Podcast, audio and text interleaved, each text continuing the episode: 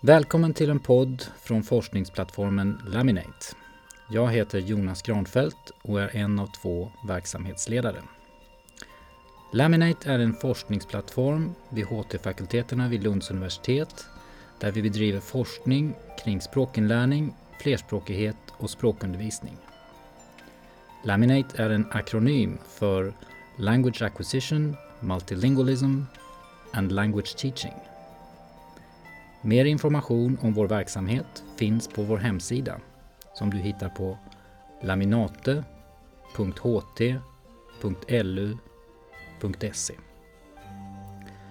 Podden som du nu ska få lyssna på är baserad på ett panelsamtal som hölls den 18 oktober 2021 under Framtidsveckan vid Lunds universitet. Temat för samtalet var Lära språk i framtiden. Vilka genombrott kan vi förvänta oss? I panelsamtalet deltog fyra Laminate-forskare som presenterar sig i podden. Samtalsledare var Karin Arvsjö, Sveriges Radio Malmö. Eh, jag heter Karin Arvsjö och är kulturjournalist och programchef för P1 och P2 på Sveriges Radio i Malmö. Och jag är väldigt glad av, över att ha, få komma hit och hålla i det här samtalet om hur vi lär oss språk. Eh, vi ska få höra om en del forskning som gör att man känner att vi redan befinner oss en bit in i framtiden. Eh, och såklart forskning som är oerhört viktig eh, i ett samhälle där rätten till språk och kommunikation och utbildning, både för barn och vuxna, är så central. Och jag är kulturjournalist i botten, som sagt. Och hur det kan kännas när man försöker lära sig och kommunicera på ett nytt språk, det är ju något som gestaltas på olika håll i skönlitteraturen. Jag tänker på Theodor Kalifatides romaner till exempel. Och såklart på årets nobelpristagare, Abdulrazak Gurna, som eh, bland annat skriver om att lära sig imperiemaktens språk. Och vi är ju många som har vuxit upp med berättelser om hur det var när vi lärde oss eh, språket för första gången, eller som skriver upp roliga formuleringar och fantasifulla ord som våra barn hittar på när de är mitt uppe i den processen. Men eh, hur, hur fungerar det där egentligen? Vad är det som händer då när man lär sig ett språk och vad vet vi idag som vi inte visste igår? Jag ska alldeles strax få ställa en massa frågor på det här temat till vår panel. Panelen, eh, dagens huvudpersoner, ska jag presentera.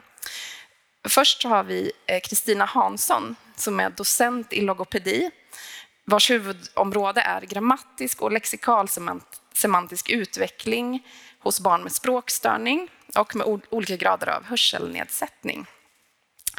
Och du verkar ju på avdelningen för logopedi, foniatri och audiologi och där eh, är också Johan Mårtensson verksam, avdelningschef där.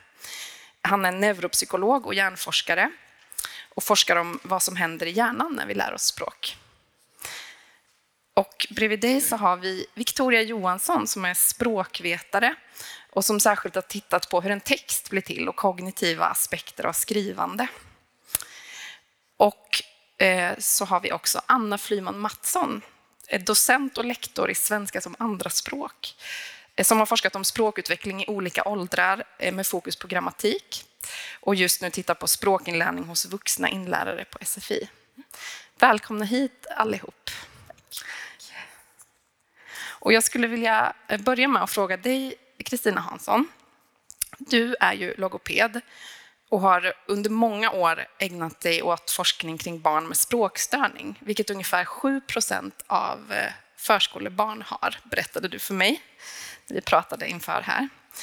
Eh, och inom det här viktiga området, eh, vad är det man vet idag som man inte visste när du började titta på det här på 90-talet, till exempel? Vad har det gjorts för stora genombrott här? Stora vet jag inte, men det känns när jag ser tillbaka så det har gått långsamt, men det är ändå väldigt mycket mer som vi vet är kanske lite väl mycket sagt, därför att det här är ett komplext område, så att vad vi liksom vet som fakta kanske man inte ska säga, men jag tycker nog ändå att vi förstår lite mer nu bakgrunden till det här. Att det handlar om kognitiv förmåga generellt kan man säga att språket är inte en egen liksom, Eh, mekanism där, utan det finns väldigt många förutsättningar när det gäller att bearbeta ljudsekvenser, att um, förstå kombinationer. Uh, så att det förstår vi lite mer och vi förstår också lite mer kring vad är det, hur skiljer sig barn med språkstörning från barn med typisk språkutveckling? Att det finns vissa grundläggande mekanismer, just som att fånga en ljudräcka till exempel, som verkar vara en sån där faktor som är viktig. Det är inte den enda, men, men eh, någon. Och sen överhuvudtaget det här att det är så många olika faktorer som spelar in. Att det, det ligger dels inom barnet kan man säga, förutsättningarna inom barnet och samspelet med omgivningen och tillsammans ger då det här olika mönster kan man säga. Hur, vi kanske ska backa och se vad en språkstörning är för någonting. Hur definierar man det? Ja, det vi pratar om framför allt och det jag har sysslat med det är så kallat utvecklingsrelaterade språkstörningar. Det är barn som på det stora hela fungerar och utvecklas som andra barn bortsett från att de inte utvecklar sitt språk på samma sätt som sina jämnåriga. Ehm, och det kan drabba alla områden på språket, ljudsystemet, grammatiken, att kunna lära sig ord. Och det kan vara av olika grad och olika mönster. De är absolut inte likadana, de här barnen, utan de varierar minst lika mycket som andra barn när det gäller sina språkliga färdigheter. Och jag vet att du bland annat har tittat på hur, hur det går till, hur, de, hur man lär sig att böja verb. Nu kanske jag använder mm. fel. Ja. Hur, går, hur går de testerna till? Alltså hur, på vilket sätt liksom undersöker du hur de här barnen fungerar och lär sig? Ehm, ja, det här med verbböjningar, det är det som man på andra språk också har funnit ehm, är en så kallad sårbar form. Ehm, och då har vi testat, vi försöker då locka fram de här verbformerna som vi är intresserade av. Och ofta så har man ju bildmaterial som man utgår från. Man kan till exempel ha en bild med någon som gör någonting och säga att den här pojken läser, han gör det varje dag. Han gjorde det igår också, så vad gjorde han igår? Och då har barnet fått veta vilket verb det är man utgår från, men de måste själva skapa den formen. Sen kan man ju också gå liksom från noll, ha en bild där det händer massor av olika saker. Titta, den här pojken läser, den här flickan leker, vad gör hunden till exempel? Då måste barnet själv komma på vilket verb de ska använda och använda det i rätt form. Men då har de fått en modell för vilken form de ska använda istället. Och eh, det du var inne på lite innan när det gäller liksom vad man vet idag som man kanske inte visste innan eller sådär. Eh, när det gäller just eh, interaktion med de människorna som är runt omkring. Vill du berätta lite mer hur man, hur man kan tänka där för att liksom, Eh, Eh, för att bäst tillämpa de här insikterna på till exempel hur förskolepersonal borde bete sig eller?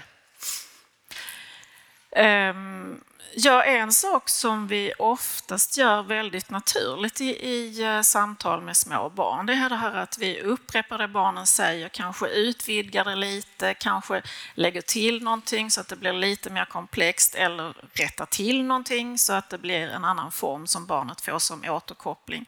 Alltså inte utvärderande, inte någonting värderande, men att man ger dem tillbaka det de har sagt så, så att de får möjlighet att jämföra och också som en kontroll att man har förstått förstått. Och det, det har visat sig verkningsfullt eh, i studier av barn med typisk språkutveckling och också i studier av barn med språkstörning. Så det, det, är någonting som är viktigt och bra att göra. Eh, och det, det, är sånt som vi redan gör, men det gäller verkligen att ta till det ordentligt ifall man pratar med barn med språkstörning, för att de behöver mycket mer av detta än barn med typisk språkutveckling. Och det kanske finns en risk att det blir lite tvärtom om, om ett barn liksom inte pratar så mycket helt enkelt. Precis, därför att genom att barnen själva pratar mycket så får de också mycket in, vad ska man säga, mycket återkoppling och mycket prat till sig. Och om man då har, ja, om det då är väldigt motigt det här så ger barnen mindre och då får de också mindre tillbaka. Så att det blir lite grann en ond cirkel att istället för att få mer så kanske de får mindre. Mm. Vi ska återkomma till just hur, hur liksom man kan tillämpa insikterna på olika sätt och hur ni tycker liksom att, ehm, att man bäst helt enkelt eh, ska lära ut och lära språk. Men vi ska gå vidare och eh, prata med Johan. Eh, du är ju neuropsykolog, Johan Mårtensson. Du presenterade dig som hjärnnörd när vi talades vid inför det här samtalet. Och du tittar ju väldigt konkret på vad som händer i hjärnan när vi lär oss språk. Hur gör man en sån undersökning? Alltså hur, hur undersöker man det rent praktiskt? När det gäller själva det språkliga beteendet så skiljer det sig inte nämnvärt från vad Kristina gör.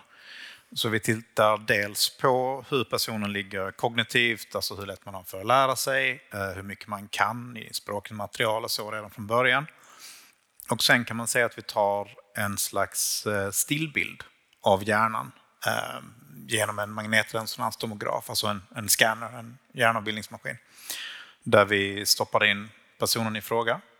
Och sen på samma sätt som att man tänker sig att man ska ta en bild på sitt ansikte eh, i något sammanhang, eller ta en bild på någonting annat, så tar vi den typen av bilder på blodflödet inne i hjärnan när vi har uppgifter, eh, hur hjärnstrukturen ser ut, hur kopplingarna i hjärnan ser ut. Och sen så låter vi folk genomgå ett träningsparadigm, alltså vi tränar dem på något sätt, till exempel sig ett språk, och sen tar vi bilderna igen och sen kollar vi på förändringen. Vad kan det vara man får träna på däremellan? Uh, det är ju, uh, jag, jag vill ju helst att de träningar vi gör ska vara något sån här underhållande. Alltså det är som om man drar på sig en idrottsskada eh, och så går man till en, en fysioterapeut eh, och får eh, övningar man ska göra där man ska sträcka på sina tår och böja på knäna och vad det nu kan vara. Och så gör man det pliktskyldigt ett par dagar och sen märker man plötsligt att jag gör det mindre och mindre. Och sen, ja, sen blir det inte så mycket med det. Och vi har liksom historiskt tränat folk i alla möjliga saker, vare sig om det är minnesuppgifter eller komplexa uppgifter och så. Eh, jag tror ju mycket på spel. Eh, för att om det vi tränar är roligt så har vi större sannolikhet att vi faktiskt gör det löpande. I det fallet då vi tittar på barn så tänker jag framförallt på spel som kan fylla den liksom, iPad-tiden som redan finns ute i skolan. Så att man kanske då på sikt på ett meningsfullt sätt kan ge de barnen som kanske har ett speciellt behov att har vi ändå se så många timmar den här veckan, ja då kan du öva på just den här uppgiften. Så. Och just den här, eh, den här undersökningen när ni kollar hjärnan först, sen får man träna någonting, sen kollar ni hjärnan igen. Eh, när vi talades vid så sa du att det kunde vara en fördel att vara förkyld när man ska vara med i ett sånt ja, just test. Det, vi var bara, ju, ja. var, varför då? vi var ju förkylda då. ja, uh, ja, för att eh, Eh, när man mäter med just denna maskinen, vi har ju andra hjärnavbildningsmaskiner, så den, den jag använder primärt eh, är ju eh, en sån här stor munk som man kryper in med huvudet i. Vi har ju även ERP vid labbet till exempel och vi har eye tracking. Det finns många olika typer av maskiner du kan använda. Men just för mitt val av maskin så är det så att luften som vi har inne i hörselgångarna och luften som vi har inne i näsgångarna och munhålan skapar distorsion. Det vill säga att den bilden du tar av din egen hjärna kommer att påverkas av signalen från luften. Och är man då förkyld så finns det inte lika mycket luft. Det kan man ju känna själv. Så, och det känns besvärande. Men det gör faktiskt att vi får lite bättre bilder. Speciellt i de områdena där språket sitter. För de ligger väldigt nära ut mot näsgångarna. Och så. Intressant. Men eh, eh, var sitter språket då? Vad är det ni ser i hjärnan? Ja, det är ju var sitter språket inte är väl snarare problemet med språk. Eh, språket sitter eh, nästan överallt i hjärnan. Så det är både bra och dåligt. Just nu så jobbar vi mycket mot att försöka använda kroppen när vi lär oss ett språk. Då är det spännande, för då kan man titta på hur olika områden talar med varandra när vi lär oss. Så då är det bra. Eh, det som vi har upptäckt i vår egen forskning också, att folk använder, hör och häpna, olika hjärnområden när de ska lära sig ett språk. Det är ju rent statistiskt mindre bra för oss, för att det blir väldigt svårt att jämföra. Så om du lär dig ett språk och jag lär mig samma språk så kommer vi kanske belasta olika områden och då kanske vi inte hittar effekten. Eh, men större delen av hjärnan används vid språkinlärning. Vissa områden, men de är väldigt utspridda. Mm. Och, och det för ju vidare till nästa fråga, för jag tänker att det här ska ni alla få svara på nu liksom i den här första rundan. Att, vad trodde man om hur det här fungerade eh, när du började intressera dig för hjärnan? Och vad har det skett för stora genombrott eller insikter på det här området sedan dess? Jag började jobba med detta ungefär 2007-2008. Redan då kunde man ganska mycket om hur språk ska ut i hjärnan, skulle jag påstå. Eh, det finns väldigt många fina studier långt innan dess. Det som kanske allt har varit en slags paradigmskifte är till vilken grad vår hjärnstruktur kan förändras även i vuxen ålder. Att vi har liksom gått från en bild när jag läste tidigt 2000 där den vuxna hjärnan ansågs vara relativt statisk strukturellt då, eh, till att den nu nästan fluktuerar från dag till dag. Eh, det låter mer dramatiskt än vad det är, men den hjärnan lever, liksom, eh, verkar det som. Och det är bra.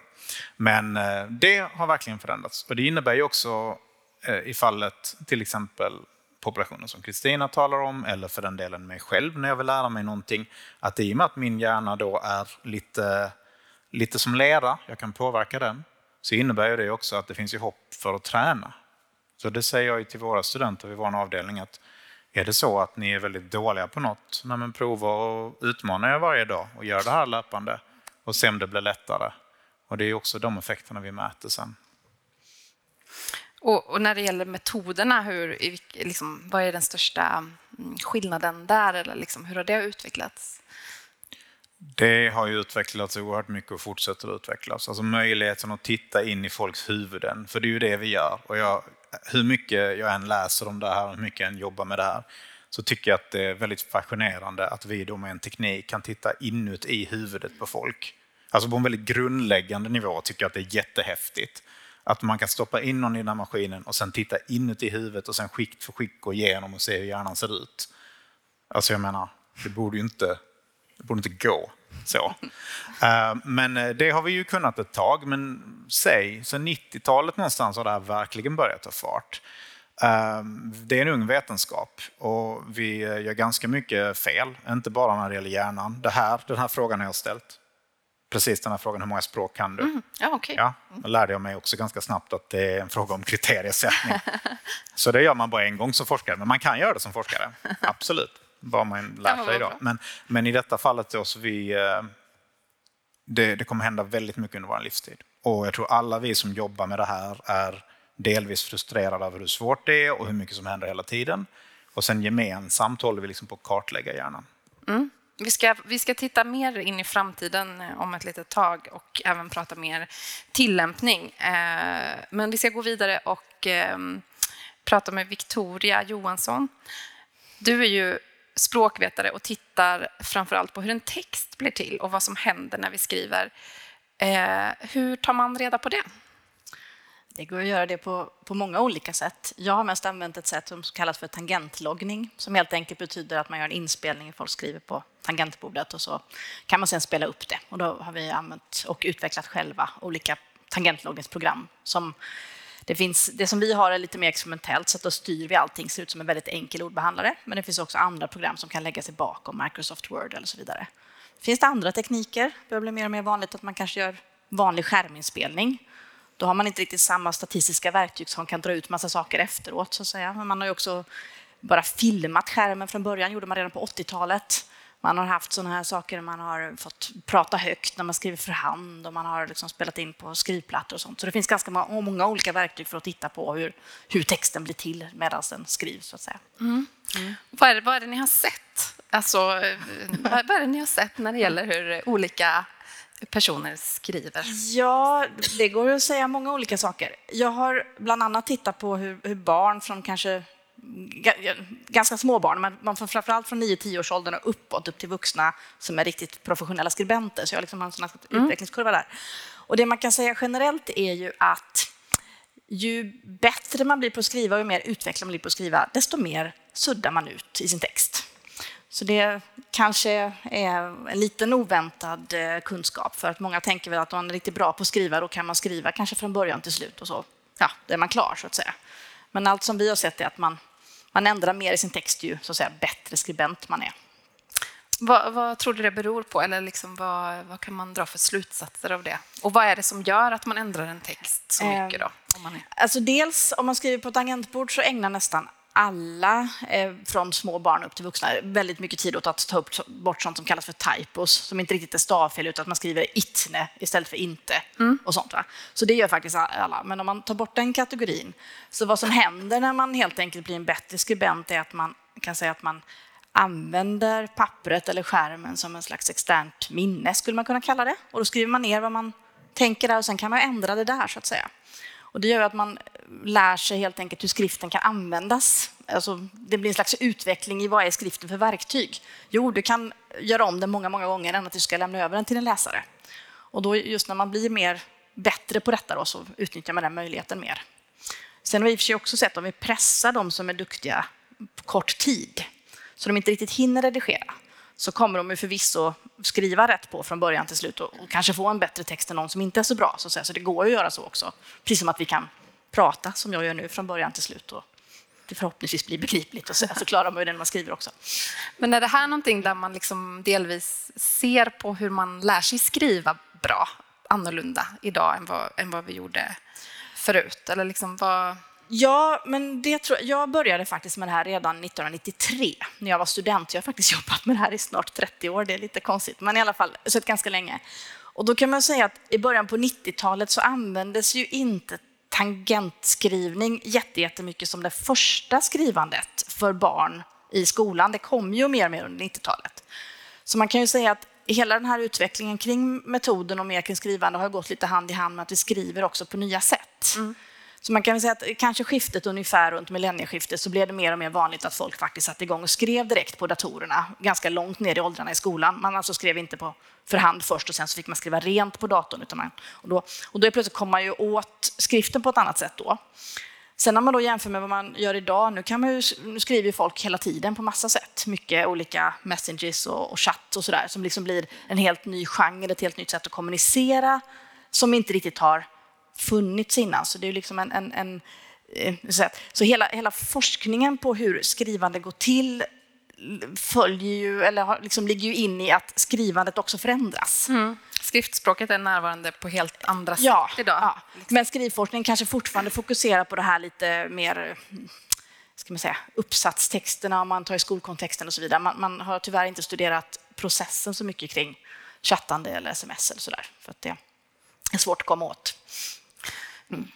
Det blir också intressant liksom vad som är, eh, och det, det vet jag att flera av er liksom är intresserade av, när man ska mm, när det är viktigt att ha ett korrekt språk och inte så att säga vad som är liksom, vad är ett korrekt språk i eh, en Snapchat-kommunikation ja. till exempel. Är det viktigt att gå in och ändra då om man stavar fel? kan, man kan väl säga så här, precis som när man pratar så finns det liksom olika... Vi förväntar oss inte att folk ska skriva med stora bokstäver och punkt och långa, långa meningar i Snapchat, utan det är ett väldigt, väldigt snabbt kommunikationsmedel. För er som inte känner till det så försvinner det ju dessutom ganska snabbt efter att man har skickat de här Snapchatten. Eh, och eh, ja, när vi pratade lite innan så sa jag rätt, kanske till och med att rätt stil på sådana här snabba meddelanden är kanske till och med att man har något litet stavfel. Eller, ja, och jag hade en student eh, som skrev en uppsats, Kajsa Gullberg heter hon, eh, och hon konstaterade att om man inte hade smileys med när man chattar så här så uppfattades man som aggressiv till exempel. Så det är också en sån här stil som finns där som vi inte förväntar oss i akademiska uppsatser eller tidningstext. Mm. Det ska vara smileys utav av varje meddelande. Så, så det finns ju olika stilar som mm. fram. Mm. Um, finns det något mer där som du vill liksom nämna när det gäller just um, genombrott som har gjorts i forskningen på ditt område. Ehm, du har redan eh, nämnt vad man liksom... Nej, ehm, jag tror väl just det här, det, det sa vi inte riktigt här, men man tänker att tidigare när man har tittat på skrivande och skrivutveckling så har det varit den färdiga texten som studeras. Och det är fortfarande det som bedöms i vi kan ta nationella prov eller, eller i skolan. Så att säga. Det är väldigt sällan det är processtexten man tittar på eller hur den ser ut, även om det också kommer mer och mer bland olika lärare. Men där kan man väl säga att det, det här genombrottet och det här att det är mycket mer tillgängligt idag gör ju att det kan vara ett verktyg för till exempel en lärare att se hur gör egentligen olika elever eller olika studenter när de kommer fram till slutresultatet. Och det kan man säga är ett, ett, helt, ett genombrott, att man kan följa processen på det sättet och kanske stödja upp om man märker att någon verkar hela tiden stanna och aldrig fixa vissa saker eller tar väldigt lång tid med något. Så, så att, om, man, om man tar det till en tillämpad grej här så kan man ju säga att, att, att kunna eh, stödja så att skrivprocessen inte blir mer mödosam än vad den faktiskt ändå är för många, inklusive de då som skriver riktigt bra. Så, så, kan det vara bra. Precis, att det finns många steg längs vägen eh, där det inte ska vara helt färdigt och korrekt. Precis. Mm. Eh, spännande. Eh, vi ska också fråga Anna Flyman Mattsson lite mer om genombrott på ditt område. Mm. Du är ju lektor och docent i svenska som, som andraspråk. Och precis som Kristina så jobbar, har du tittat mycket på grammatik. Du är en grammatiknörd, sa du till mig när vi pratade. Så vi har en hjärnnörd och minst en grammatiknörd här. Eh, och du har ju tittat både på förskolebarn och vuxna som är andraspråksinlärare. Eh, och vad är det vi vet om hur vuxna lär ett nytt språk eh, och lär grammatik idag som vi inte visste för några decennier sedan? Eh, ja, alltså man kan säga att vuxna har en tendens att eh, framförallt vilja lära grammatik. Det tycker jag är en stor skillnad från barn. De, de har inte samma behov av att se eh, hur det hänger ihop och sådär medan framförallt SFI-lärare då vittnar ju om att, att eh, de måste kunna sin grammatik för att eh, inlärna inlärarna, de vuxna eleverna, frågar efter det. De vill se samband, de vill jämföra och så vidare. Eh, så att de har en annan medvetenhet. De har ju ett annat språk då att jämföra med och är också lite mer kognitivt utvecklade så de kan eh, dra slutsatser och föra över och sådär. Så det är väl den stora skillnaden tycker jag med, med eh, när det gäller att lära språk, medan alltså barnen då har mer kanske fokus på det rent kommunikativa, att få fram sitt budskap och bryr sig inte lika mycket om hur, hur eh, det låter. Sen blir man väl också med åldern också att kommer att man vill på något sätt vara lite korrekt. Man vill få fram den rätta grammatiken och så vidare. Även om det är naturligtvis väldigt olika hos olika personer. Mm. Men hur mycket fokus man lägger på att lära sig grammatik har liksom fluktuerat lite eller hur? Ja, alltså. ja. Eh, det var ju från början kan man väl säga att det var att lära sig språk, det var att lära sig grammatik. Så det var väldigt torrt. Det var liksom någon slags eh, ja, högre studier bara av ett språk så där, man behövde inte använda det så mycket. Men sen började man ju ha, alltså så kom ju behovet av att använda språket och då, behövde, då fick väl grammatiken ge med sig lite. Och sen, som det brukar vara ibland så slår det liksom över på andra sidan för mycket. Så att ett tag var det väldigt man pratade om kommunikativt, kommunikativ inlärning utan att inkludera grammatiken. Så det var väldigt många som, som på något sätt försökte få bort grammatiken. Man ville inte riktigt... Jag vet, man döpte om kurser och sånt där till eh, ehm, språkets arkitektur och sånt där. Man ville mm. liksom undvika ordet grammatik för att det var väldigt laddat och kopplat till de här gamla drillövningarna och så. så att eh, under 80-talet kan man säga framförallt så var det väldigt, eh, väldigt eh, fokus på kommunikation, att man inte skulle liksom lyfta fram grammatiken. Så där. Men det där har också vänt tillbaka nu, så nu, nu är vi någonstans mitt emellan, att, att grammatiken är viktig att lyfta fram, men nu handlar det kanske snarare forskningen om vad, alltså vilken grammatik behöver vi vara mer explicit med i undervisningen för att den ska, en del grammatik kan man då fånga upp i eh, inputen man får eller i kommunikationen, men en del behöver då lyftas fram specifikt. Vill du ge något exempel där? Eh, nej, men det, är väl där, det är väl där man står idag, ja. att, man, eh, att man inte riktigt vet vad som... Eh, men till exempel ja, men verbformer, eh, som vi var inne på innan, eh, kan vara viktiga att synliggöra för de, de försvinner lätt i, eh, ja, i alla ord. Liksom. Mm. Men framförallt är det väl det, kanske det som, har, eh, som är viktigt för själva betydelsen. Så om man tänker sig ordföljd till exempel, kanske inte riktigt lika viktig att lyfta fram så för den, det spelar ingen roll om man säger idag jag gick till skolan eller idag gick jag till skolan för själva innehållet, så det går fram ändå. Du arbetar utifrån något som heter processbarhetsteorin. Vad innebär det? Eh, processbarhetsteorin är en teori om grammatik som säger att eh, man utvecklar grammatiken i en viss ordning. Eh, och att det handlar egentligen om kapaciteten att processa grammatiska strukturer. Så det handlar inte om det enskilda språket utan Eh, det handlar om vår förmåga att, att eh, klara av större och större enheter.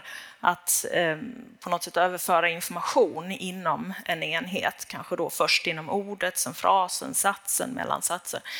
Och det här kan man då applicera på olika språk så att man får olika strukturer i olika språk som då man kan se att de här utvecklas i en viss ordning.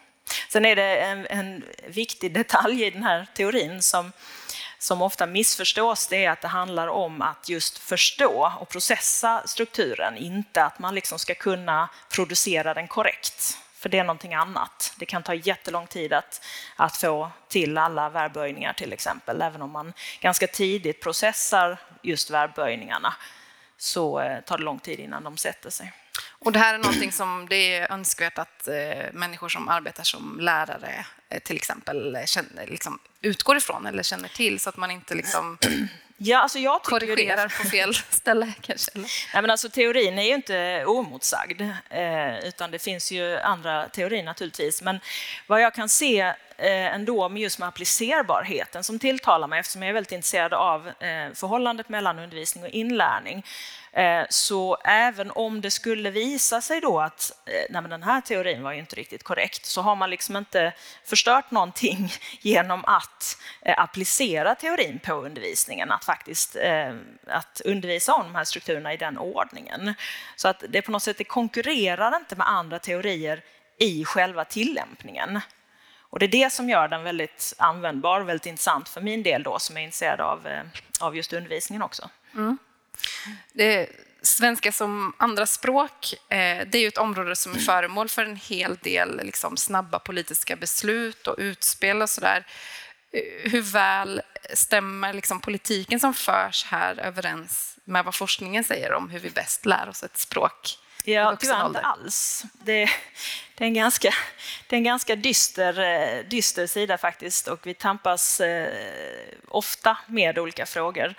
Eh, där vi försöker att föra över, eh, eh, alltså vi försöker synliggöra just språkinlärningsforskningen i alla de här besluten för att se att eh, det finns väldigt många exempel på dåliga beslut utifrån eh, språkinlärningsforskning.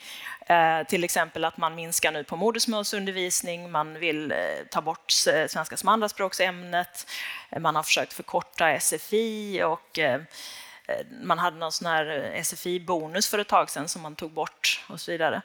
Så allt sånt där är ju, eh, och jag menar språktest för medborgarskap inte minst, att, att de här besluten har ingen förankring alls i språkinlärning. Och det där blir ett problem för oss eftersom vi hela tiden måste gå tillbaka till ruta ett Eh, och försöka Eh, att, att få in den här inlärningen. Vi, vi kommer liksom inte till nästa steg. Men om man tittar på, på ämnet svenska som andraspråk till exempel, eh, så skulle man ju vilja studera det då eh, i ett forskningsprojekt till exempel. Säga, men hur, kan man, hur kan man använda det här ämnet? Hur kan man göra det här ämnet på bästa sätt? Men vi kommer liksom aldrig dit därför att vi hela tiden tampas med de här frågorna att att vi behöver detta, att vi behöver modersmålsundervisning till exempel. Så att det är väldigt svårt att komma vidare med... Eh, så man kan säga att vi har betydligt mer forskningskunskap om hur man lär språk än vad som används i Sverige idag. Delar ni den bilden liksom när det gäller era områden, ni andra? Alltså eh, i hur hög grad tillämpas liksom, de insikter vi har i praktiken? Det är en jättestor fråga, jag vet, men jag tänkte nu när, du, när vi ändå kom in på det så eh, någon som vill?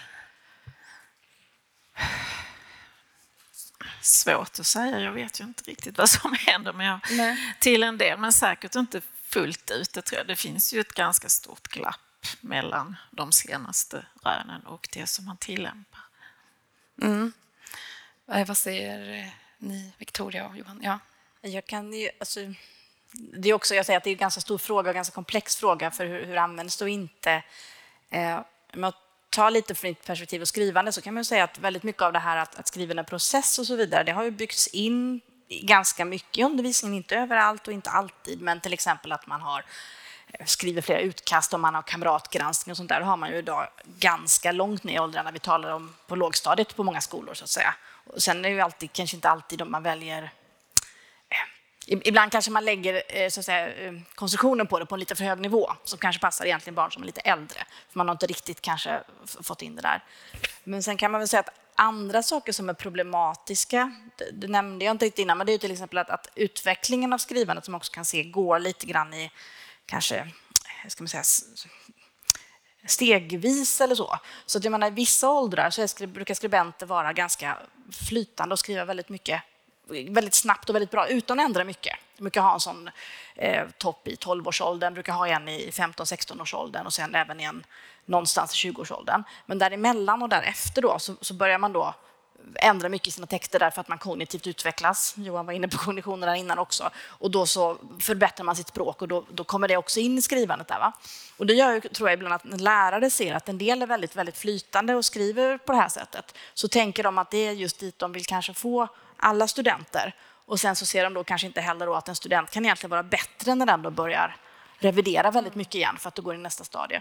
Och det här är väl, tror jag, ganska mycket kunskap som inte riktigt är känd och där det kanske behöver ta något decennium till innan det landar ut. Och det ska ju liksom ut på, på olika sätt genom läromedel till lärare, till exempel på lärarutbildningar och sen fortbildning och sen ska det vara 40 år i skolan. Och så alltså, det är ju lite fördröjning på väldigt mycket av den här kunskapen. Mm. Och, och, det är ju inte alltid att den så att säga, når hela vägen ut. Men jag menar, det, det är ju nästan så med all forskning, om det inte kommer någonting uppifrån som implementerar det, så att säga. Mm. Eh, jag, jag, jag, håller helt med. Och, eh, men förutom den fördröjningen så inom svenska som andraspråk så har man ju också det här, eh, den här attitydmuren mm. att tampas mot.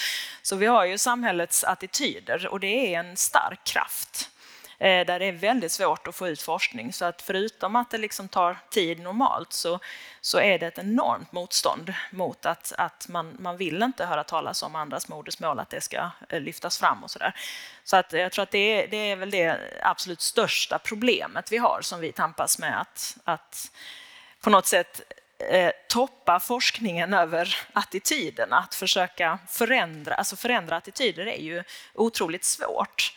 Vad är det för syn på språk som liksom kan komma fram i den liksom, attityd som du beskriver? Ja, alltså det handlar ju väldigt mycket om modersmål och det har ju med invandringen att göra. Så att när man då har eh, invandrarfientlighet så kommer ju automatiskt också modersmålet, alltså språket är en så viktig del av en person så det får lida för detta också. Och det ser vi bland annat om vi pratar om flerspråkighet till exempel så eh, har ju, om du är flerspråkig eller tvåspråkig engelska svenska så har du ganska hög status. Det är en bra tvåspråkighet. Men sen kommer då den andra tvåspråkigheten med arabiska, albanska och så vidare, där den här eh, lingvisismen kommer fram, alltså språklig rasism, att, att vissa är mer värda än andra. Eh, och där kommer ju väldigt mycket att varför ska vi satsa på, på eh, modersmål? När det då är svenska vi har i Sverige. Och där, det, det, är väldigt svårt att nå fram till det där att modersmålet hjälper svenskan så att det blir någon slags nästan som att eh, folk tycker att man ska lära sig svenska men forskarna tycker att man ska lära sig modersmålet. Men alltså det, för oss är det ju att det är både och, att de hjälps åt, att vi vill ha både svenska och alla andra språk. Vad vet vi idag om modersmålets betydelse för att lära sig ett nytt språk och liksom hur modersmålet och hur ett språk och ett annat språk som man håller på att lära sig, hur de liksom hjälper varandra eller hör, alltså, utifrån era olika... Vad, vad, händer i hjärnan när man har liksom ett språk och sen håller man på att lära sig till? Uh, ursäkta.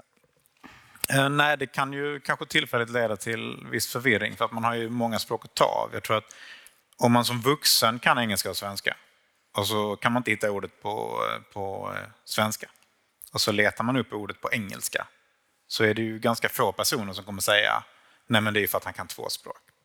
Det är därför Johan är så himla förvirrad. Medan om man som barn gör det så kan man uppleva den attityden i skolor hos föräldrar och så att, man, att barnet kanske har flera språk med sig från början kan då bli aningen försenat. Och sen vet vi att man i större grad då lär sig fler språk lättare under resten av livet. Det finns liksom en tidig kostnad i den mån att det är en högre grad av komplexitet och sen då resten av livet har man lättare för att ta till sig andra språk.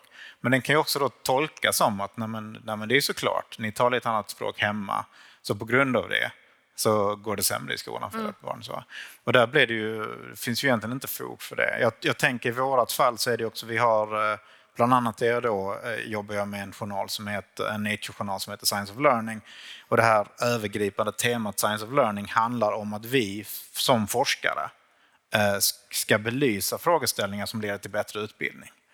Så jag tror egentligen att det finns två grejer där. Det ena är att vi då väljer att identifiera saker som faktiskt har ett värde ute i skola och ute i skolmiljö, ute i utbildning.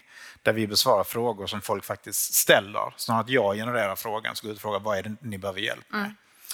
Mm. Och sen det andra tror jag väl också att inom utbildningsvetenskap generellt sett att man kanske då också faktiskt ska förlita sig mer på forskning och empiri.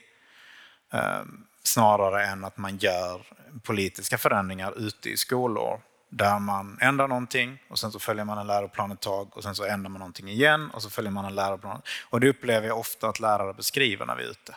Att när man gör en plötslig förändring, men hur gick det med den förra? Mm. Och där kanske man hade kunnat ta lite större glädje av forskningen och fråga, men vad tror ni hade funkat? Och sen gör man en ändring. Och sen, precis som inom en läkemedelstrial, så går man in och undersöker, blev det bättre nu? Innan man gör nästa ändring. Mm. Det tror jag hade varit bra. Vill du säga något mer där om just modersmålets betydelse för att lära sig ett nytt språk? För att vi, vi ja, jag ja. tänker att jag vill bara poängtera där också att eh, med barn att man då kan uppleva att, att det låter förvirrat när de använder andra språk och så. Men där finns ju väldigt mycket forskning gjord på det som kallas för kodväxling eh, där det finns där det är väldigt systematisk växling. Eh, mellan olika språk. Och det, det, är väl egentligen, det behöver inte vara språk, utan det kan vara andra varianter man, man använder sig av. Men att även eh, alltså barn med, med, två andra språk till exempel kan då ha en väldigt eh, systematisk användning av detta. Man kan använda det ena språket för att få mer, mer tryck bakom det man säger till exempel, eller att man vill signalera någonting, att man byter ämne och så vidare. Så att, men det, det, svåra är ju att som för gemene man så hörs inte riktigt detta, så att det är lätt att man tror att, att barn då blandar språk. Um, men sen så sen är det många aspekter på det här med modersmål. Jag tror att det här är en av de faktorer som, som vi kommer att se väldigt mycket av inom forskningen, alltså att det kommer att hända mycket. Eh, för att vi vet fortfarande alldeles för lite vad exakt. Vi vet att det är väldigt positivt med att eh, låta modersmålet utvecklas. Eh, men vi vet inte riktigt exakt vad det gör för eh, olika områden och sådär. Och sen är det ju då den här andra aspekten att man, man jag menar, många blir upprörda för att man pratar då ett annat språk, till exempel när man hämtar sitt barn på dagis. Eh, så det finns ju också en sån där liten kränkthetsgrej i det att nu pratar de nog om mig för att de pratar på ett annat språk och mm. sådär. Eh, men att, att det verkar vara svårt att överföra det här med modersmål till sitt eget, alltså till svenskan då, om man har svenska som modersmål. Att, ja, men, jag pratar ju svenska med mitt barn, det är liksom naturligt där. Så att det verkar finnas en svårighet där att göra kopplingar. Mm. Finns det någonting om just flerspråkighet som, liksom, eh, som du vill eh, säga, Kristina, utifrån det du tittar på? Ja, det finns det. Ehm, för tidigare så kanske man tänkte sig att om barn har då en språkstörning så kanske man skulle undvika att lära sig flera språk. Det gäller inte, utan det är faktiskt snarare kanske att det till och med är tvärtom, att det är skyddande att lära sig flera språk. Så att det är absolut ingenting, om man har en språkstörning eh, och har man det så har man det på alla språk man lär sig. Det är framförallt på första språket som man måste titta då. Men det är ingenting som gör att man ska undvika, utan kanske snarare tvärtom. Sen tänker jag också att generellt så ska man också tänka på att barn som är flerspråkiga, lägger man ihop deras språk så har de ju en större språklig kompetens än vad vi som är enspråkiga har. Absolut. Vad tänkte du på, Victoria? Nej, men jag tänker också om man nu ska ta in detta med skrift och så vidare. Alltså, tänker man tal och skrift, så ganska ofta kanske man får med sig skriftspråket på, på ett av sina språk som kanske inte är sin modersmål. Om man till exempel går i skolan i Sverige så har man kanske mycket starkare skriftspråk på svenska. Man kanske inte ens kan skriva och läsa särskilt bra på sina andra språk eller sitt andra språk. Eh, och det kan skilja mycket. Det kan ju vara andra alfabet och sånt och det kan vara att ens föräldrar kanske inte ens kan läsa och skriva på det språket hemma heller. Men där, då kommer man ju också in på det här att det, det finns ju vi pratade om vari varianter innan. Det finns ju liksom, skriftspråket ger ju vissa varianter vad gäller ordförråd eller grammatik till exempel som man inte riktigt får med sig med talspråket och det gäller ju i princip alla språk på det sättet. Och om man inte då kan få stöd också på sitt modersmål i skriftspråket så gör det ju också att man missar eh, massa nyanser, man missar att utveckla det språket efterhand och så vidare. Sen ska vi inte glömma om man tar en situation i Sverige och i ganska många andra länder i Europa och, och, och västvärlden där vi vill att universitetsstudenter ska börja skriva på engelska. Och då skippar vi ibland deras eh, skriftliga kompetens på svenska när de kommer upp en bit på universitetet. Och då till exempel intresserar sig både undervisningen och en hel del av forskning av skrivande här nästan helt och hållet på hur studenter lär sig skriva engelska, akademisk engelska. Eh, så att, eh, och det ägnas ju otroligt mycket tid åt det här, hur man ska bli bättre på det. Och kanske blir det då väldigt mycket andra, annat skrivande, väldigt mycket andra språkliga eh, aspekter som försvinner för att det ses som så hemskt viktigt. Eh, och ser man på den hela språkliga kompetensen hos individen så är förstås många olika bitar viktigare än bara att man kan skriva akademisk engelska. Jag, jag, eh, som universitetslärare tycker det är bra om mina studenter kan skriva bra akademisk engelska. Men det finns som sagt andra, andra värden och andra viktiga kunskaper också vi bör med oss. Mm. Mm. Ja, men det känns som att det finns en del liksom, föreställningar och myter och så där om hur vi lär oss språk som vi har liksom, hjälps åt att ta koll på nu. Finns det något mer som ni känner så här, det här är, det här är min käpphäst, det här tror många om hur vi lär oss språk och det är helt fel? Ja. ja, eh, ja, alltså det är ju att man tror att det går så snabbt att lära sig ett språk. Och det märks i väldigt många politiska beslut eh, när man pratar om att SFI-bonus till alla de som tar sig igenom SFI snabbt. Så det var ju massa tyskspråkiga ingenjörer som kammade hem de eh, bonusarna för de hade liksom rätt förutsättningar för att lära sig. Eh, och likadant att man, man eh, eh sätter in, man ville förkorta SFI för man tyckte att det tog för lång tid. Man vill, eh, man vill direkt integrera barn i klasser för man tycker att ja, de lär sig språk så snabbt. Och med lära sig språk, då är vi inne på lite det här, vad är det liksom att kunna ett språk? Att ja, barnen kan snappa upp språk snabbt och de lär sig någon slags nödsvenska då för att kunna kommunicera och, och vara i den här eh, situationen. Eh, men de lär sig absolut inte så mycket så att de kan ta till sig ämnena på eh, det nya språket. Och det ser vi i måluppfyllelsen, att där är en grupp, jag menar, vi har å e-, ena sidan nyanlända som har naturliga svårigheter, men just den här gruppen då som, som man tror pratar rätt så bra svenska, som inte uppfyller målen just för att de har slussats in så snabbt. Man tycker att ja, men det här sköter sig självt. Så det, det tycker jag är kanske en av de viktigaste frågorna, i mitt ämne i alla fall, att att eh, det tar tid med språkinlärning och det är en väldigt viktig faktor att ha med sig. Mm. Någon som vill spräcka hål på ytterligare en myt? Eller har vi liksom avverkat dem? Jag, jag, måste fråga om det här med språkvård och sådär, för att vi har ju liksom touchat lite på så vad, hur viktigt det är att liksom vara korrekt. Och det här är jag lite extra intresserad av som journalist på Sveriges Radio eftersom eh, dels har vi en språkvårdande uppgift och sen har vi ju väldigt uppmärksamma lyssnare som liksom med rätta då hör av sig till oss. Liksom och så där. Men hur, eh, vad är viktigt att tänka på? Ja, det finns ju ett stort engagemang liksom kring allt ifrån särskrivningar och sådär. Men vad är viktigt att tänka på när det gäller liksom det helt korrekta språket? Eh, att det inte finns något helt korrekt. Det finns sånt som är rätt och fel i, i olika sammanhang, så att säga. Mm. Eh, och att det viktigaste är väl att man kan kommunicera. Eh, om, man, om, man, om man går in med och säger att jag måste prata helt korrekt eller alla andra som pratar med mig måste prata med helt korrekt, kommer inte kommunikationen funka särskilt bra.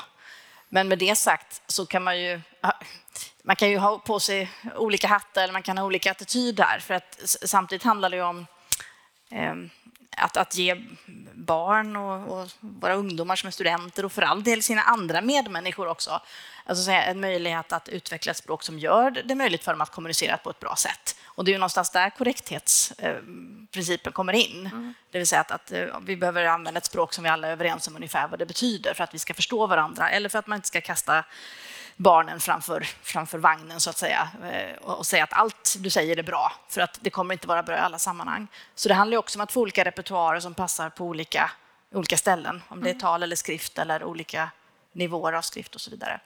Eh, men eh, med det sagt så hör vi väl jag till de väldigt liberala språkvetarna som förstås tycker att jag förstår vad du säger, du förstår vad jag säger, liksom.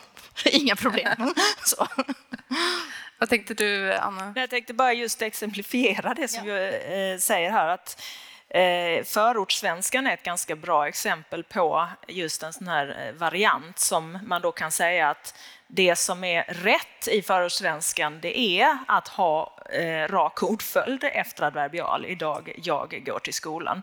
Så att många som, då in, som ändå har svenska som modersmål kan då börja prata på det sättet därför att det på något sätt är normen inom den gruppen. Eh, så att då blir det rätt sätt att prata även om det då inte följer normen för eh, ja, akademisk svenska eller vad det kan vara. Och det, många av mina studenter brukar ju, som är lärare brukar undra, men ska vi liksom acceptera vad som helst i klassrummet då? Men skolan har ju ett rätt så tydligt uppdrag med vilket språk man ska förmedla där, alltså att man ska kunna med fortsätta, fortsätta med studier och, och komma ut i arbetsliv och kunna vara en medborgare och så vidare. Så där är ju ett väldigt specifikt språk som man behöver lära sig där. Så att jag, eh, och jag håller med, alltså språkvetare generellt tror jag är de mest liberala när det gäller eh, språket faktiskt. Det är sällan språkforskare man ser som klagar på forumen och sådär, utan det handlar ju om att vi är intresserade av att se språket förändras, att det är spännande i sig med alla de här olika varianterna. Men, men just det där med, med olika rätt, rätt variant på rätt plats, mm. helt enkelt. Mm. Hade du någon tanke där, Kristina? Ehm, ja, jag tänker att det, för min del som har jobbat mest med förskolebarn så är det ju bara talspråk som gäller. Så där får vi kämpa med våra studenter att få dem att förstå att det är helt, alltså det vi ska tänka på, är det okej okay att säga så här i det här sammanhanget? Då är det helt okej. Okay. Um, ehm, om vi liksom blickar blickar lite mer mot framtiden nu då. Ehm, det här är ju framtidsveckan. Ehm, vad finns det för... Ehm, eh, utifrån det man vet nu om hjärnan och er forskning och så här, Johan, vill du ge något exempel på liksom hur... Du var inne på det lite tidigare, men hur skulle man kunna... Eh, vad skulle man kunna använda för verktyg och hjälpmedel i framtiden för att lära sig språk utifrån era insikter då om liksom träningen som behövs eller vilken nivå man ska lägga sig på och så vidare. Jag tror att vi i mångt och mycket vet hur, man, hur vi lär oss språk. Alltså, eh, fråga vem som helst som har lärt sig, nu är den borta, men de som var på mm. högra sidan där. Så frågar de hur, hur har du gjort för att lära dig språk så kommer de nog ha bra lösningar på det. Jag tycker det viktiga kan ju vara att fånga upp de som har svårt att lära sig ett språk eller som behöver stöd i att lära sig ett språk. Um, och sen så identifiera dem och sen underlätta till exempel för lärare. Så det har vi haft i vissa fall att vi har använt mjukvaror där de tränar ett spel, där man tränar någon slags beståndsdel av språket. Och sen så får vi ut en enkel färgmarkering till exempel. Så att lärarna kan se att detta är så som de här barnen i en lågstadieklass har presterat på olika nivåer. Liksom. Ehm, och då kanske lärarna säger att men de här två barnen som vi ser har presterat lägre än förväntat. Ja, men där hade vi en känsla av att de här barnen behöver lite extra stöd. Och då kanske man kan titta på vårt forskningsmaterial eller vad det kan vara och säga så. Var är det de faller fel? Och så kanske Kristina mer än mig kan svara på, aha, det är denna delen som brister. Ja, då är det detta verktyget vi ska använda sen för att träna. Och lyfter vi den lilla biten sen så kanske man hänger med i skolan resten av livet faktiskt, om man ska ta det på lite större allvar. Eh, så, så dit hoppas jag att vi, vi kommer komma. Att vi faktiskt kan då dels kritiskt utvärdera, se vad funkar bättre i skolorna såklart, på ett lite större perspektiv. Men också att vi då som forskare kan ge de här verktygen där vi säger så att men, vi vet att det är här det behövs stöd. Och som vanligt är det ju mycket samhällsresurser. Det är inte så att man kan skicka ut en, en duktig logoped varenda gång det är någonting. Så, även om man hade önskat det. Och där tänker jag att vi kanske ändå kan ha lite hjälp av de här träningsprogrammen och mjukvaror bara för att se, identifiera och informera. Eh, vi kommer inte hitta en lösning som funkar för alla och vi kommer inte hitta en modell som funkar för alla. På samma sätt som när vi kollar på hjärnstrukturer och hur den förändras så ser vi att det inte bara är att vi förändras olika, också vi ser väldigt olika ut redan från början. Eh, och då är svårt att skräddarsy, men vi kan försöka i alla fall. Mm. Det ser olika ut vad olika eh, personer behöver. Eh, någonting som flera av er nämnde också när vi pratade här innan var eh, den här eh, vikten av att det är liksom precis lite svårare än vad man redan kan när man ska lära sig något nytt. Det finns ett ord för det också. Någon av er får gärna säga vad det heter. Vem är det med som har snackat med dig om det här i en halvtimme? Är det du? Menar du den proximala utvecklingszonen? Exakt, den proximala utvecklingszonen.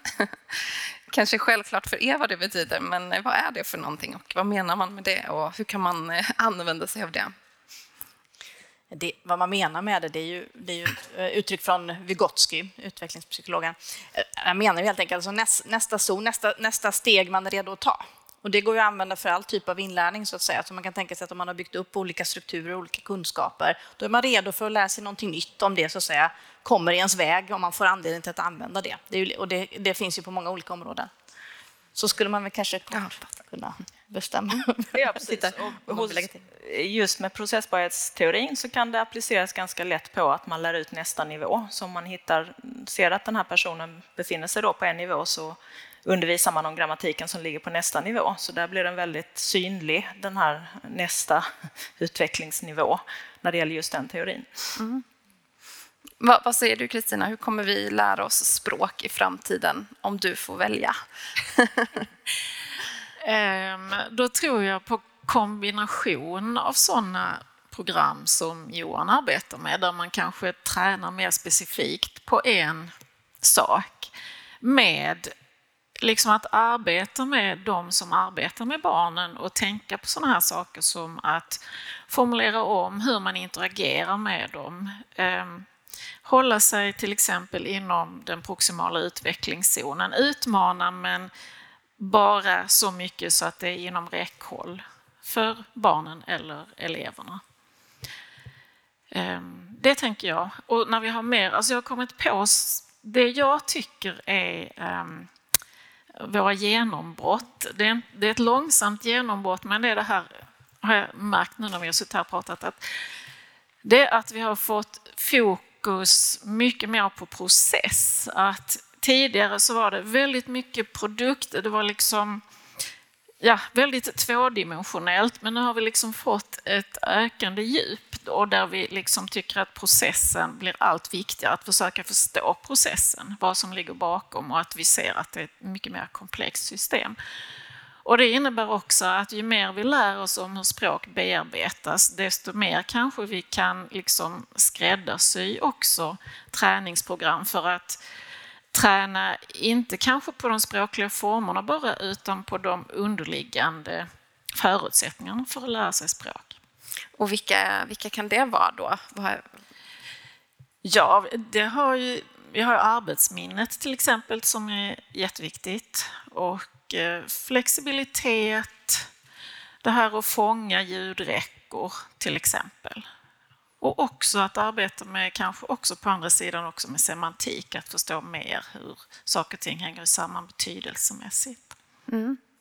Vad kan man tänka sig för liksom, eh, för typ av verktyg? Alltså jag vet att vi pratade om spel lite innan, till exempel eh, Johan. Alltså, vad finns det för möjligheter eh, för verktyg som man hade kunnat använda? Det där är jättesvårt. Alltså vi, inom inom eh, liksom mitt fält, inom psykologin, så pratar man om kognitiv transfer. Att man tränar en sak för att få en effekt någon annanstans. Så om du tänker dig att du tränar, du vill bli stark, så tränar du löpning för att få bättre flöde i hjärtat till exempel. Eller om du vill bli en bättre cyklist så tränar du styrketräning någon gång i veckan för att få starkare ben så att du kan cykla snabbare. Även om egentligen inte styrketräningen är det du ska bli bättre på, så använder du det för att bli bättre på det du vill bli bättre på. Alltså man har det som ett tillbehör. Och det är ju någonting vi har eh, tittat på en del och som fält rent generellt sett så blir vi ju oftast bättre på det vi har gjort.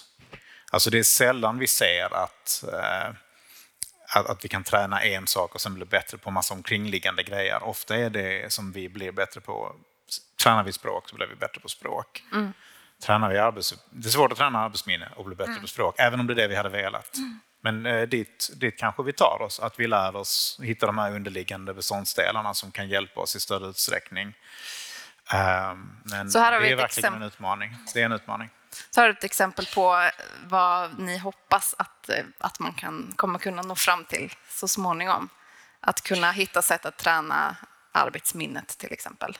Ja. Ja. Sen är det, språk är ju redan en sån grej i sig. Mm. Så språk, matematik och koncentrationsförmåga är ju tre sådana riktigt tunga faktorer som vi ser påverkar andra delar av utbildning. Mm. Så jag menar språket i sig är en faktor som gör att du kan ta in nästan all annan kunskap. Så, så brister språket så är det också svårt att hänga med på historien. Kanske inte vice versa. Men så, så det är redan, vi har redan vissa sådana beståndsdelar. Men det, ja. Vad tänkte du på, Victoria? Men Jag tänker, om man tänker framåt, om man tänker verktyg, om man tänker genombrott, om man tänker kognitivt framåt. Det finns ju många sätt att tänka på det, men om, om man tar om om man tar detta med skrivande så är det ett sätt som man kan säga språkproduktion. Det är också tal. Teckenspråk är också ett annat, men om vi håller oss till tal och skrift. Det hör ju också ihop med perceptionen, att vi kan läsa och att vi kan lyssna. Och då kan man säga att vi redan just nu är inne i någon slags total hybrid här som kommer att bli ännu mycket större. Eh, Säkert några av er som varit inne på Instagram eller något annat idag och tittat på små filmer som väldigt ofta är textade, fast det är ljud på dem, för att man ska kunna titta på dem när man sitter tyst på bussen eller någon annanstans eller ligger och sover i, eller ligger vaken i sängen bredvid någon som sover. Så, va? Vi har liksom redan massa filmer med ljud vi ser som är textade. Vi har såna här eh, verktyg som gör att vi kan prata med våra datorer eller telefoner som sedan då skriver ner vad vi säger, alltså dikteringstexter. Vi har uppläst tal. Säkert jättemånga här inne också, även om det inte är så många så gissar jag att säkert hälften sysslar med sånt här som att ibland läser man en bok på en platta, ibland trycker man på det och lyssnar på det som ljudbok. Alltså vi kommer växla väldigt, väldigt mycket mer mellan tal och skrift, hur vi både Eh, ja, hur vi egentligen producerar det som man skulle kunna tänka är någon slags beständigt material. Oavsett om det då är filmmaterial, eller ljudmaterial eller textmaterial, så kommer vi göra det på väldigt många olika sätt framöver. Och helt enkelt ta till det som är enklast just nu i stunden, eller det som blir mest effektivt att kommunicera ut till folk. Och där tror jag att, att eh, eh, den här transfern blir ju också då lite speciell, för att jag menar, man får välja ett skriftspråk som kan fungera i tal eller ett talskriftspråk som kan fungera i skrift. Så vi kommer säkert hitta någon slags här mellanhybrid som inte riktigt är så avancerat skriftspråk som man kanske möter i, i traditionella skriftspråkiga texter, men inte så enkelt som det talspråket som vi kanske lite slarvigt eh, använder. Och nu säger jag slarvigt med det här att vi inte specificerar att det är glaset, utan vi säger den och sånt som fungerar i kontexten. Och så, här, så det tror jag blir ett ganska stort genombrott för kommunikationen framöver. Att vi kan liksom välja vad som är enklast just nu. Och det kommer säkert komma från yngre åldrar hela vägen upp till de som är på eh, i, i andra spektrat och inte hör eller ser så bra. Då kan de välja vad de tycker bäst just nu och ändå få samma information så att säga. Det kommer säkert vara jätteviktigt. Ja, väldigt stora förändringar när, hur, i hur vi använder och kan använda språk.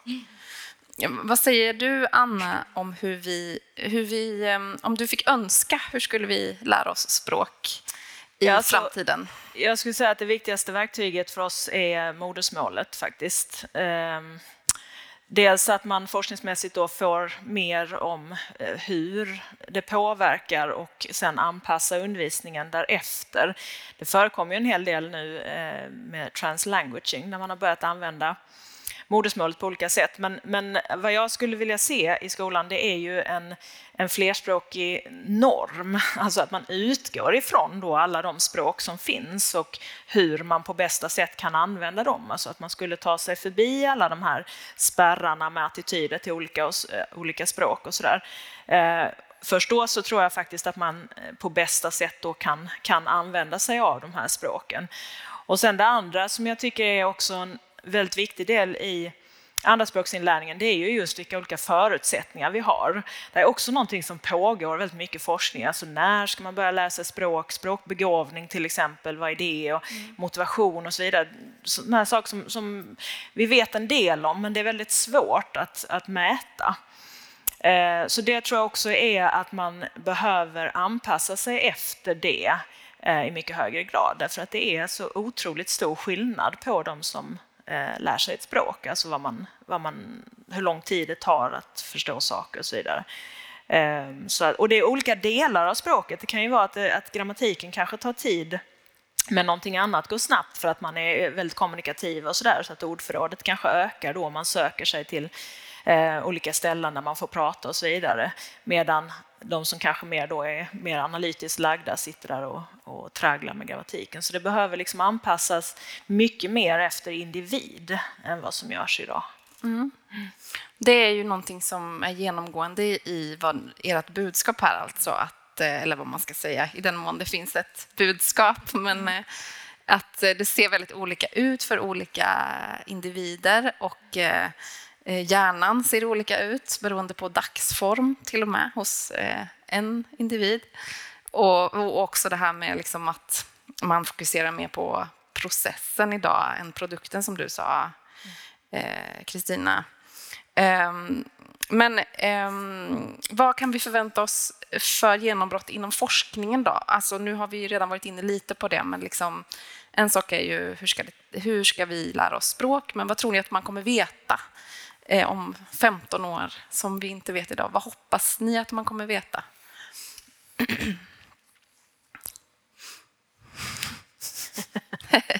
vi, vi talar om våra såna här forskningsidéer för hej, de själv stulna. ja. Det är hemligt. ja. Uh, Johan? Alltså, I egenskap av hjärnnörd så vill jag gärna veta vad som händer när vi lär oss. Uh, det, det hoppas jag 15 år kanske är ett men vi är på väg dit. Det, det hade varit väldigt spännande att veta. Um, på vilket sätt vet man eh, vad, ja, vad vet man in, idag och vad vet man inte? Vi vet ju var saker och ting händer när vi lär oss någonting nytt. Ofta händer det väldigt nära det du har tränat. På tal om det här med transfer. Så lär du dig jonglera så är det liksom motorområdena i hjärnan. Och är det språk så kan det vara vissa centrala språkområden lite beroende på vilken studie du läser och sådär. Men vad som händer nere liksom på, på cellnivå har vi ju då, detta är ju nackdelen med att vi tittar in i någons huvud med hjälp av den här maskinen, att vi kan ju liksom inte se på någon på så pass låg nivå i och med att vi inte vi har inte ihjäl folk rent krasst. För det får vi absolut inte ha. Uh, men, uh, så, så, vi kan bara förlita oss på det som görs inom djurforskningen och, och, vi kan titta på våra egna resultat. Men det rör sig väldigt mycket framåt där också.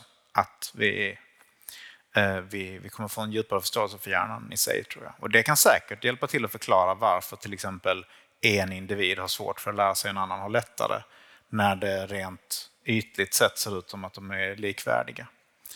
Så det, det tror jag kan vara en, en, en sak som kommer. En annan sak som jag är väldigt nyfiken på, men det är ju också mer på forskningssidan, vilket var frågan, men då är det ju hur skiljer sig språknätverken från arbetsminnesnätverken eller framförallt då med tal på det som du pratade om Victoria, att den här graden av komplexitet som vi brottas med. Vi hade ju den här Amazing Brain-veckan då under 150-årsjubileet.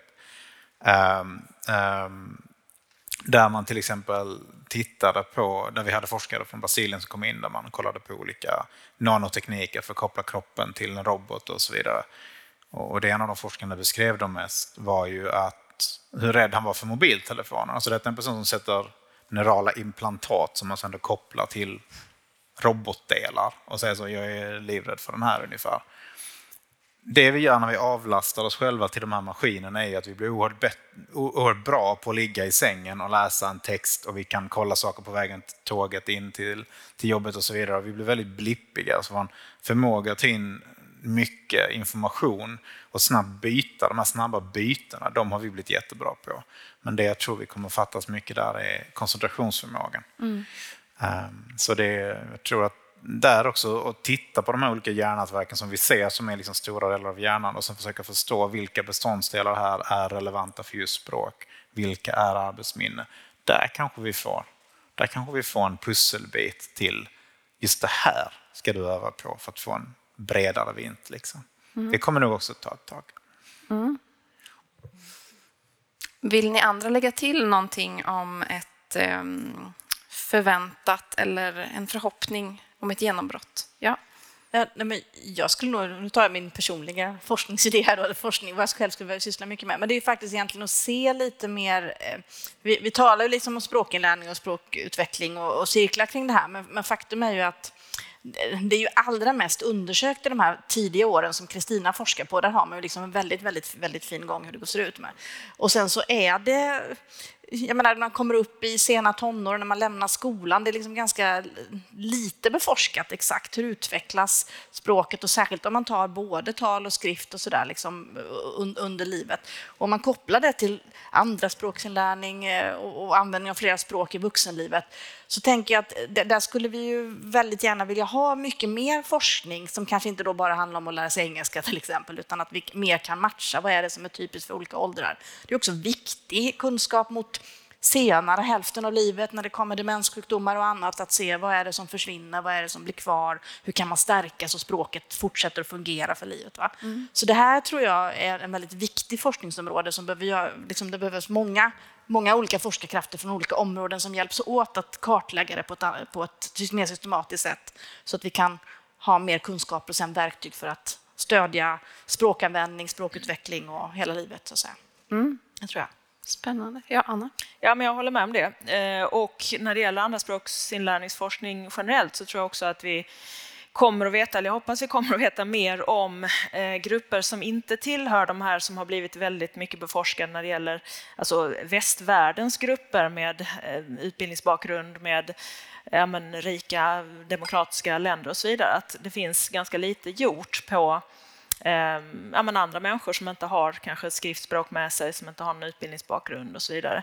Eh, hur de, eh, ja, men om man tittar på eh, icke-litterata personer till exempel så tittar man ju på ja, men hur lär de sig skriva, men det är också intressant hur lär de sig språk överhuvudtaget? Alltså den gruppen har man inte riktigt undersökt eh, så mycket, så det, och det, det, är på gång, så jag hoppas att det ska eh, kunna ge oss mer information. Sen när det gäller svenska som andraspråk generellt, så som jag började med, så ser jag ju rätt dystert på utvecklingen där just för tillfället.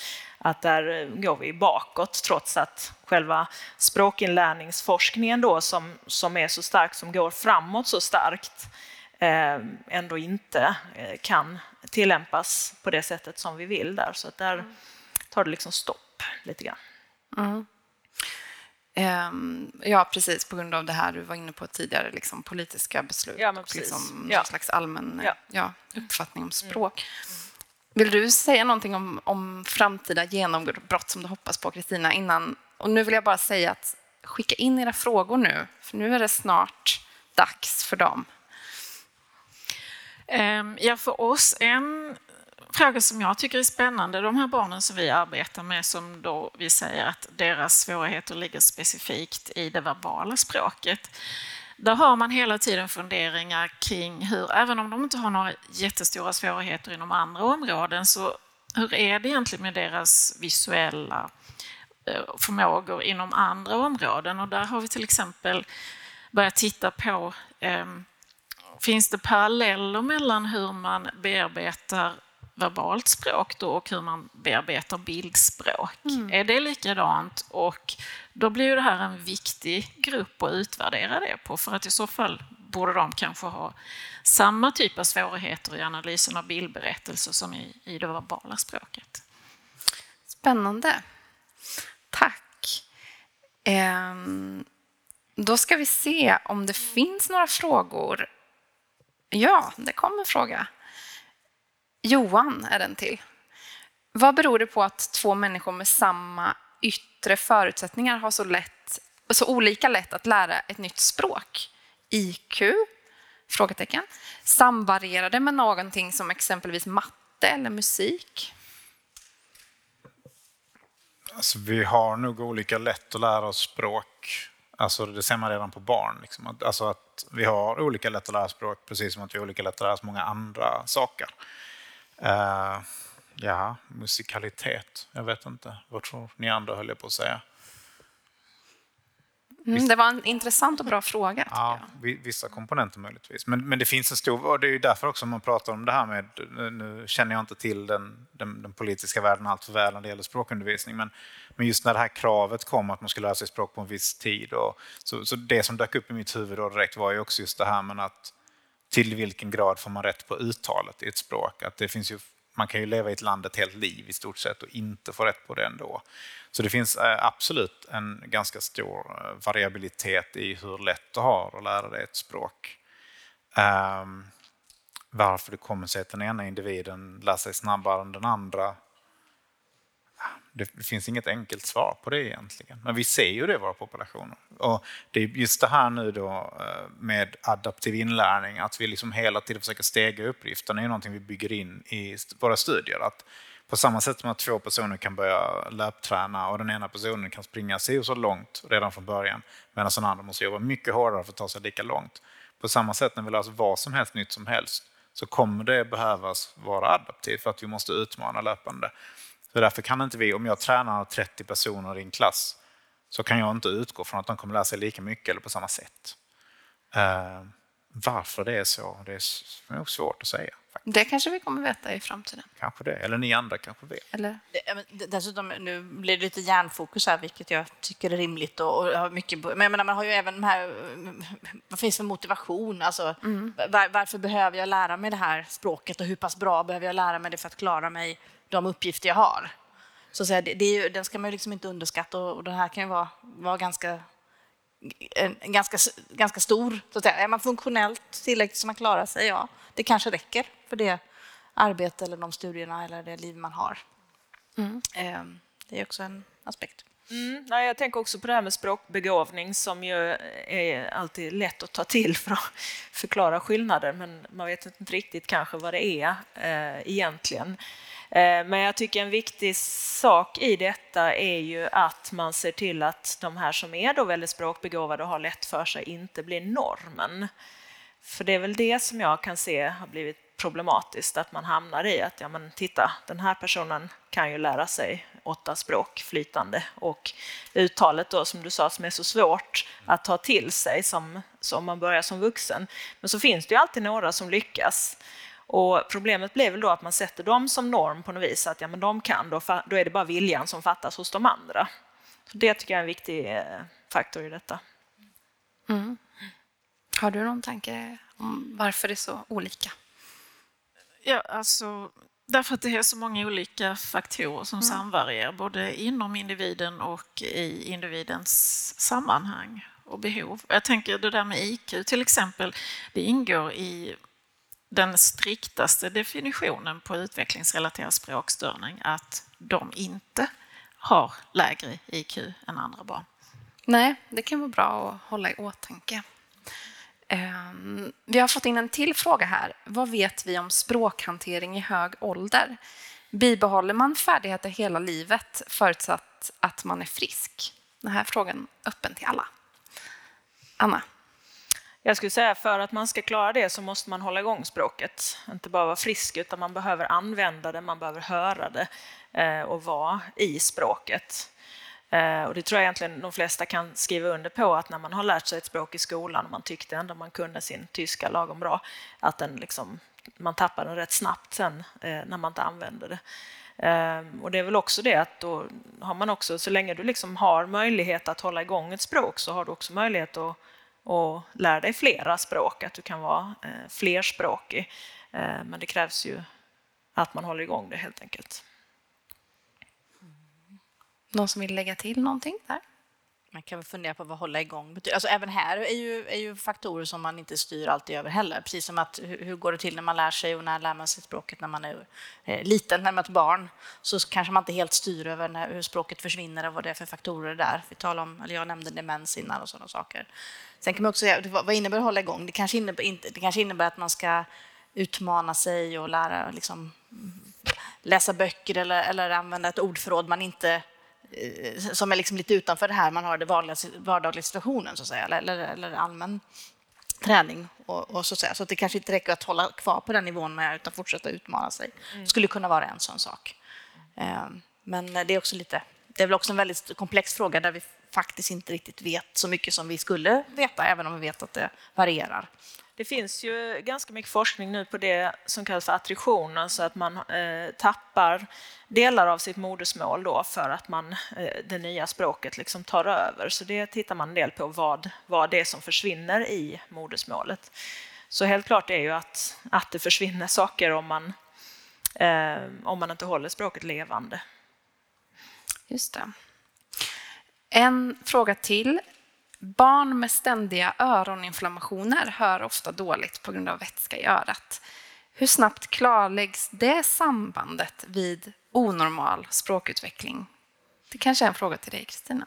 Um, ja, alltså det vi har, det alla undersökningar hittills pekar på det är ju att de ständiga öroninflammationerna inte är en orsak till språkstörning, men naturligtvis påverkar det språket som barnet hör. Ehm, och alltså det var en vanlig gång förr i alla fall att vi fick remisser från ehm, audiologiska avdelningen på barn med, som hade lite ehm, inte utvecklat språket som man brukar och som också hade en liten lätt hörselnedsättning.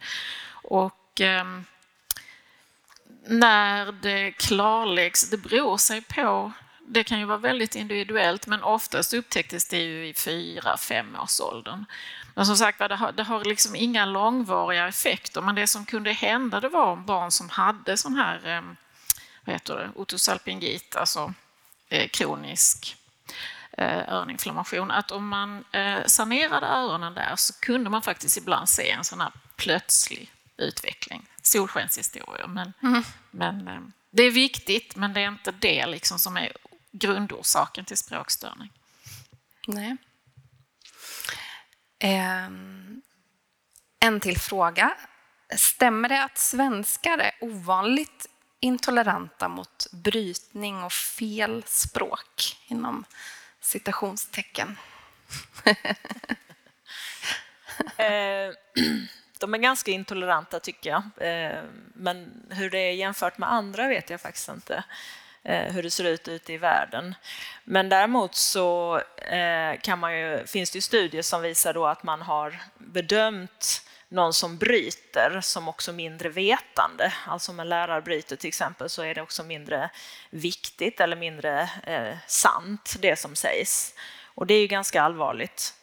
Eh, och sen det här med att man, att man klagar på språket, det, det görs ju eh, väldigt mycket. Eh, språkpoliser och det hackas på de här olika forumen och sådär.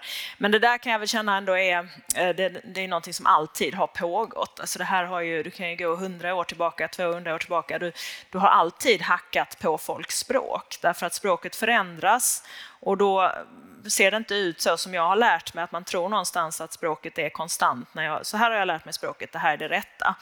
Eh, och så börjar det hända saker och förändras och då eh, tycker jag ju att det är fel.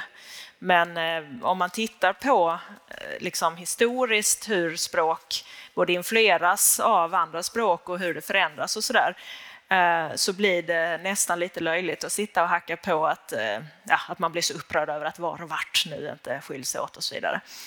Det är en ganska naturlig, naturlig del av språket. Jag tror det här blir sista frågan. Kommer det finnas några banbrytande forskningar inom teckenspråk och teckenspråksinlärning i framtiden, tror ni? Någon som vet någonting om det?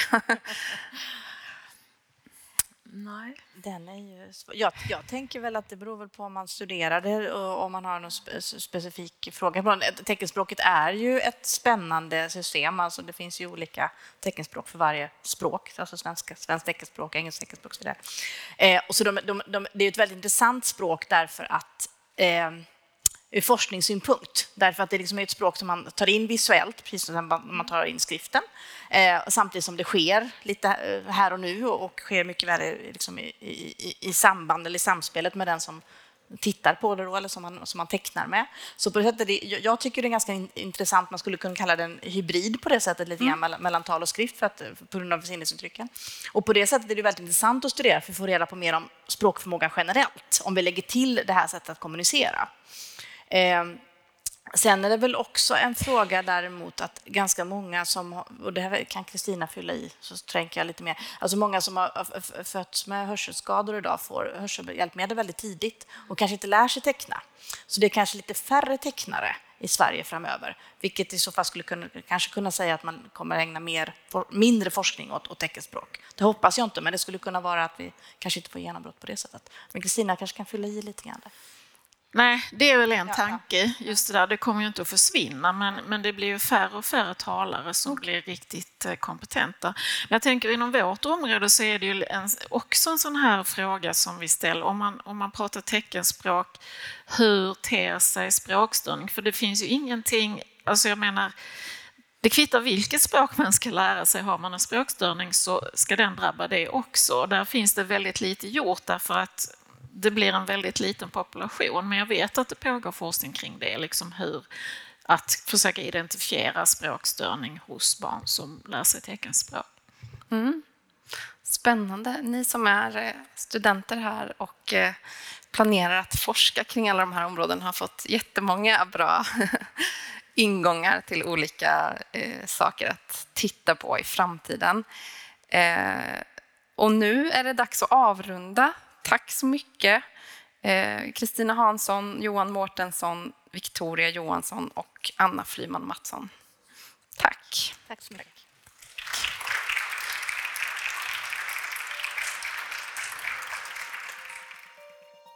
Du har lyssnat på en poddversion av panelsamtalet Lära språk i framtiden. Vilka genombrott kan vi förvänta oss? Som hölls den 18 oktober 2021 under Framtidsveckan vid Lunds universitet. Medverkade gjorde fyra forskare från forskningsplattformen Laminate. Anna Flyman Mattsson, Kristina Hansson, Victoria Johansson och Johan Mårtensson. Samtalsledare var Karin Arvsjö, Sveriges Radio Malmö. Den här podden producerades vid Lunds universitets humanistlaboratorium. Ansvarig utgivare är Jonas Granfeldt.